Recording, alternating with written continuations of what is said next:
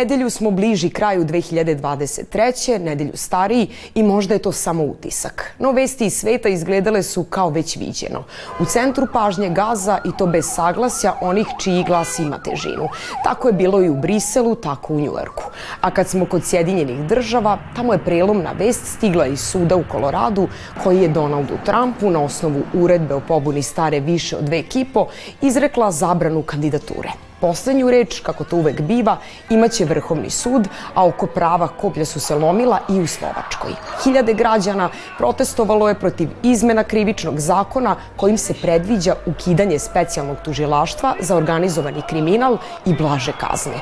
Na drugom kraju sveta, u Argentini, onima koji protestuju, kako sada stvari stoje, nova vlada sprema oštrije kazne. A u Francuskoj kaznu ili račun za novi zakon o imigraciji mogla bi platiti vlada koju su uzdrmale podele oko ograničavanja pomoći strancima. U nedelji za nama Egipat je izglasao novog, starog predsednika, a u Kuvajtu je zakletvu nakon smrti svog polubrata položio novi emir. I da ne nabrajamo dalje, jer u ovaj put oko sveta ćemo u sasvim drugačijem tonu i kroz neke druge priče, koje su takođe stizale u velikom broju. Trk je Deda Mrazova duž svih meridijana. Tehnologija donosi praznični duh do svih. Adventi ugostili milione turista. Jelke iz celog sveta u Čikagu.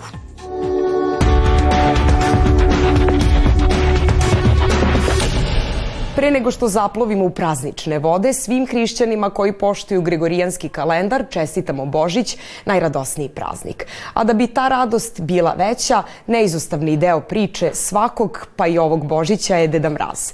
On je, kažu, a i možete pratiti preko satelita, baš danas krenuo sa severnog pola kako bi do jutra isporučio poklone u svaki kraj sveta a za poklone proteklih dana bilo zaduženo i mnoštvo Deda Mrazovih pomoćnika. Kod mnogih od njih sportski duh bio je na zavidnom nivou u jednom od najnaseljenijih gradova na svetu. U Mexico City-u takmičilo se više hiljada porodica u trci Deda Mrazova. Kako bi svi ukućani bili na broju, pojedinci su poveli i svoje ljubimce. Podržavamo porodično okupljanja, a praznici bi mogli da se provode u krugu najbližih. Toda la familia debemos de estar... Ljubav, pažnja i toplina koju porodica pruža treba da budu sastavni deo svačije svakodnevnice. Crveno-bele uniforme u Venecueli nisu bile obavezne. Donosimo sreću i harmoniju svim građanima Karakasa. Ideju smo, tako reći, ukrali od drugih svetskih metropola. Takođe u Karakasu organizovana je i trka u vožnji drvenih kolica, nekadašnja popularna ulična igra. Moramo naterati decu da zaborave na video igrice i da ih e, namamimo da izađu napolje. U evropskim metropolama takođe se organizuju trke u duhu praznika. U Parizu se ovakve manifestacije održavaju već 46 godina. 20 godina učestvujem u trkama. Sada sam prvi put u kostimu pileta i mnogo sam ponosan na sebe. Organizatori na ovaj način promovišu rekreativno trčanje, koje je naspram takmičarskog uvek u senci. Donc c'est important, c'est vrai, de faire ce genre d'événement. Takmičari biraju na koji način žele da učestvuju u skladu sa svojim kapacitetima. Ne moraju čak ni da se takmiče, mogu sa svojim drugovima da isteče par krugova radi zabave. Na hiljade učesnika odevenih u crveno-plave kostime Deda Mraza protrčali su kroz centar Liverpoola na najdužoj trci ovakvog tipa u Engleskoj. Izazov dugačak 5 km 2005. godine upisan je u Guinnessovu knjigu rekorda kao najveće okupljanje Deda Mrazova. U Budimpešti se Deda Mrazovi takođe takmiče u dobrotvorne svrhe. Temperature nešto iznad nultog podeoka nisu sprečile više stotina ljudi da se po 20. put skinu kao da su najtopliji dani u godini i viču po ulicama ho ho ho. Pre 20 godina ovo je izgledalo potpuno drugačije. Nas, desetak čudaka, trčalo je kroz ulice glavnog grada Mađarske. Pratilo nas je duplo više policajaca. Ove godine trčimo kako bismo pomogli porodici čije se dete bori sa obilnim moždanim krvarenjem. Ideja je potekla iz Bostona, ali su je organizatori nadogradili plesnim i pevačkim tačkama, kao i usputnim vežbama za bolje držanje tela. Mnogo je onih koji zbog najrazličitijih razloga, recimo broja godina, više nisu u prilici da prisustvuju božićnim manifestacijama. Srećom, moderna tehnologija tu je da pomogne, da vrlo uverljivo podsjeti kako je to nekad bilo, ali da odvede i korak dalje.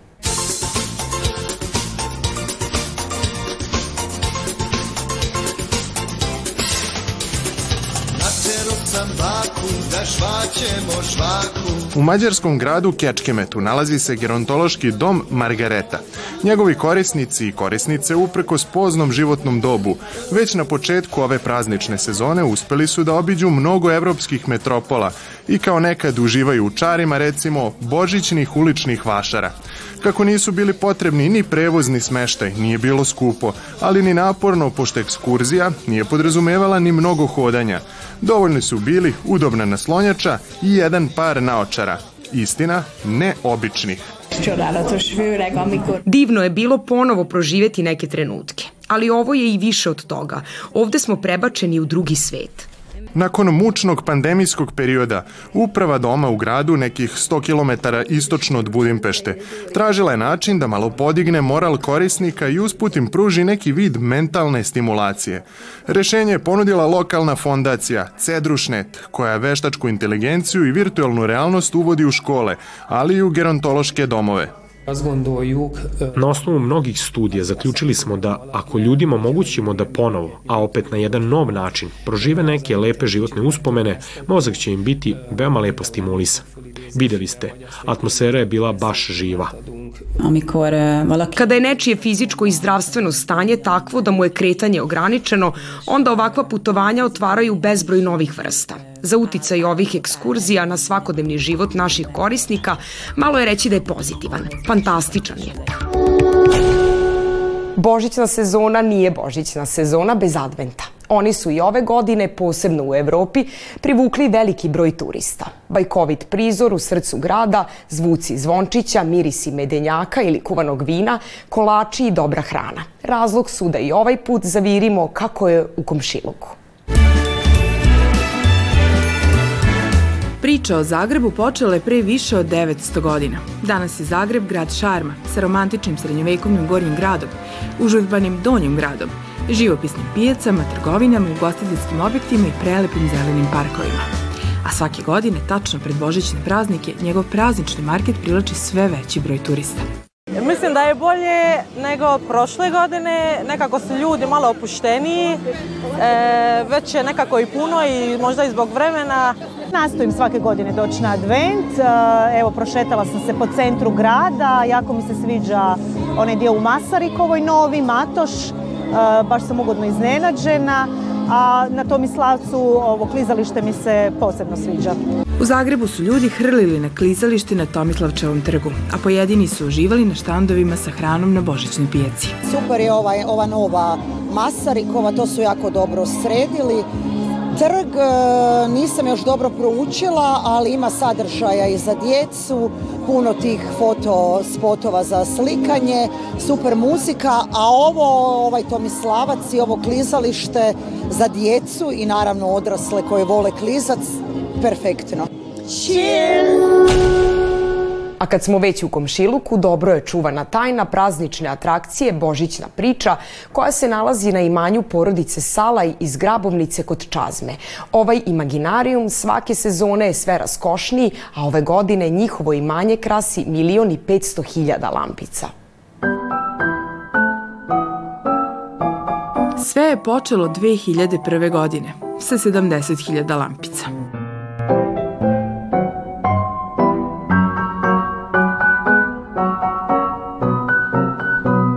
Zlatko Salaj kaže da je bio siromašan tokom detinstva, radio u inostranstvu i kada je otišao u penziju odlučio je da svoje porodici pokloni najbolji Božić ikada. Predložio sam moje pokojne supruzi da e, okitim, da kupim 70.000 žaruljica i da okitim jedan dio imanja. I ona je to vrlo rado prihvatila jer znala da nisam imao Borića nikako kad sam bio dijete i tako je onda to krenulo, onda je veliki interes bio, ljudi su se bojali u dvorište doći, nego na cesti su gledali, onda sam ja dolazio i zvao. I onda su pitali jel će biti iduću godinu više, pa je rekao ako vam se sviđa, bit će. Onda sam napravio 100 tisuća. I tako se svaku godinu povećavalo. Ubrzo su počeli da se pojavljuju ljudi iz sela, a potom turisti da bi na kraju priča ovog imanja došla i do svetskih medija. Prošle godine pak u hrvatskim medijima pojavile su se priče o stečaju, no problem je čini se na kraju rešen. Ako ja taj novac potrošim bez veze, a ne ulažem dalje, ljudi nemaju šta vidjeti. Ja prvi ne bi išao gledati ono što sam već vidio. Znači uvijek mora biti nešto ljepše, nešto interesantnije. Iako danas deo novca za projekat dobije od sponzora, a deo od ulaznica, porodica Sala je ipak uložila dosta svog novca u ovaj projekat. Kako se broj posetilaca povećava, raste i želja porodice Sala i da osvetle još više prostora. Prvi put mi je ovdje i Mislim, stvarno je prelijepo iskustvo i okće na sve ekstra stvarno. Umeđu vremenu, senzacija koja je porasla na penzionarskom entuzijazmu porodice bez ikakvog turističkog pedigreja, a koja samo na Božić privuče i do 70.000 posetilaca iz zemlje i inostranstva, nastavlja da raste. Sledeći Božić na Salevom imanju biće bogatiji za još 100.000 lampica. I drugačiji, obećava Zlatko. Jer već 11. januara kada se lampice ugase, počinju planovi za sledeću sezonu.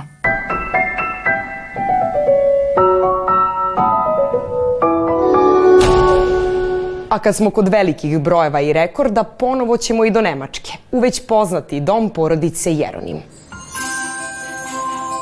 Kuća Tomasa i Suzane Jeronim u Rintelnu u nemačkoj pokrajini Donjoj Saksoni sve je samo ne neupadljiva, jer njihov topli dom krije svetlu i veselu božićnu tajnu. Praznična atmosfera kod njih je zasijala znatno ranije, kako bi sve bilo spremno već za prvu nedelju adventa.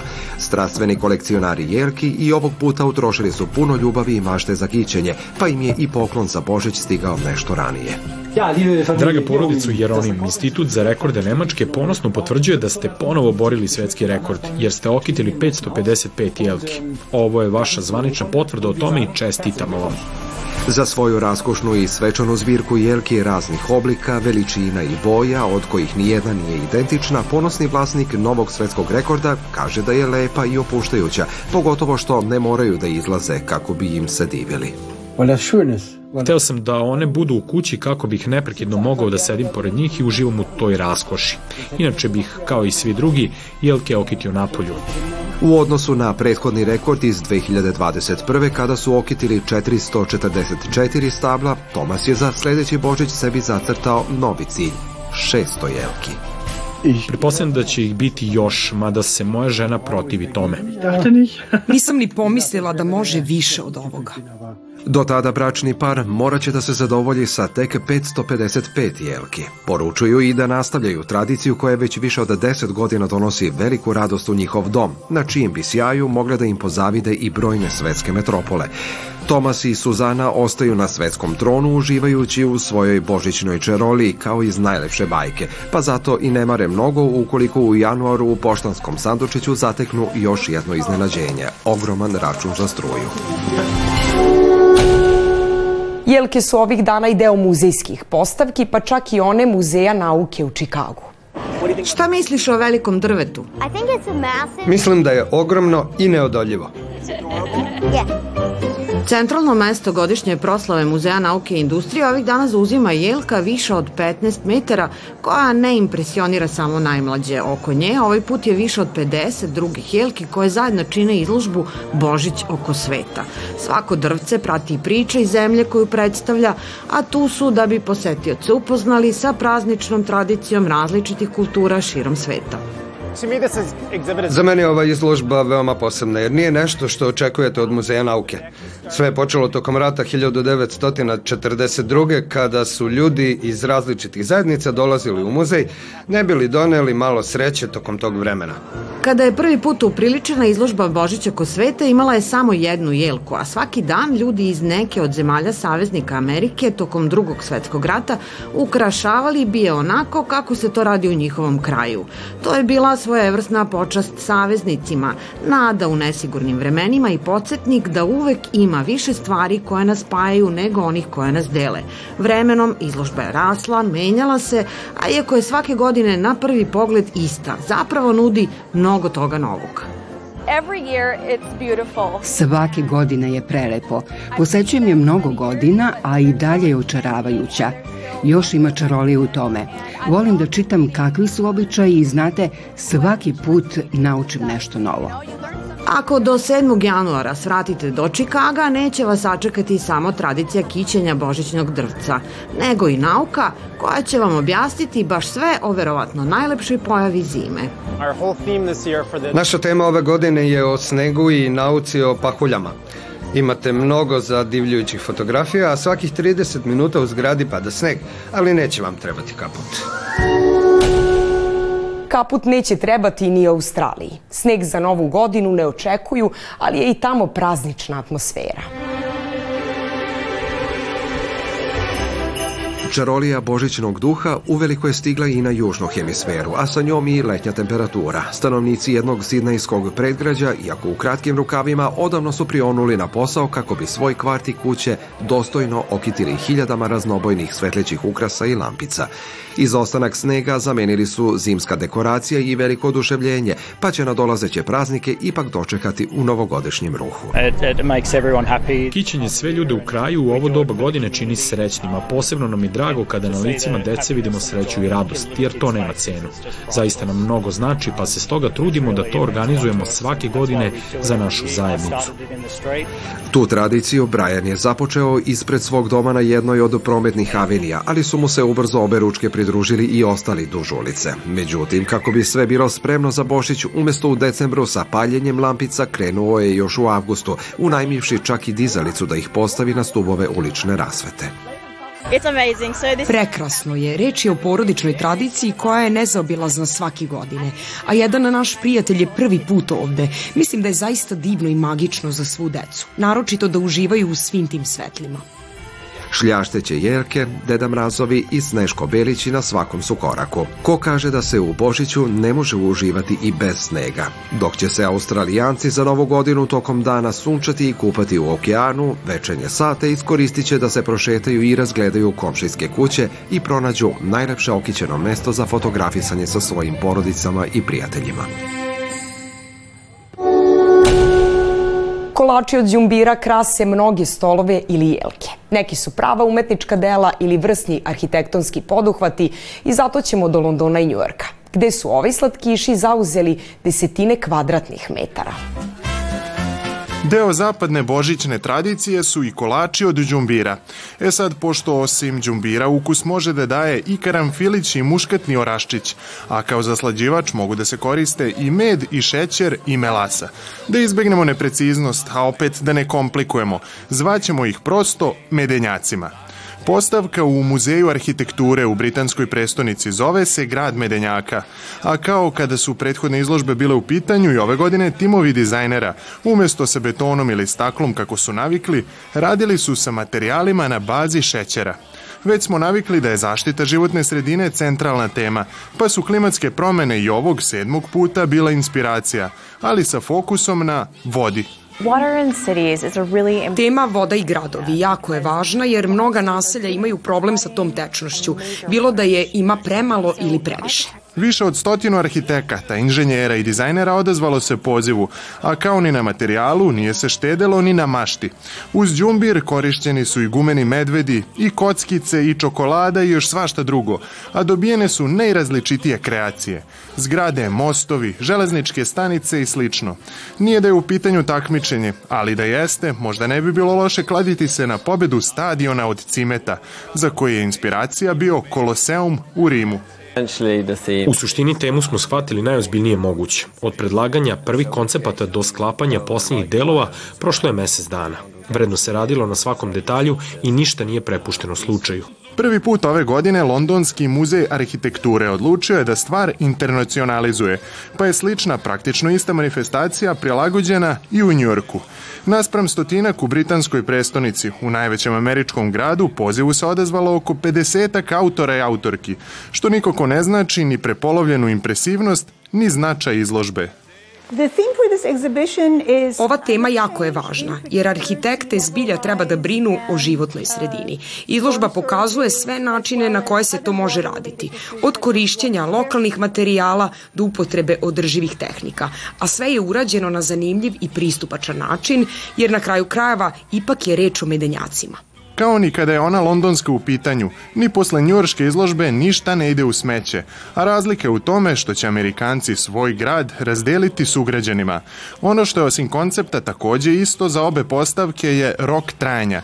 Naime, i londonska i njurška božićna manifestacija traju do Božića. Istina pravoslavnog. Ovo je i vreme darivanja, koncerata i ne morate to nužno razdvajati. Evo kako izgleda kada idu ruku pod ruku. Engleski indie rock band koji se proslavio hitom Ruby 2007. godine obe ručke prihvatio poziv organizatora da učestvuje na humanitarnom događaju fondacije Nordoff Robins u Londonu.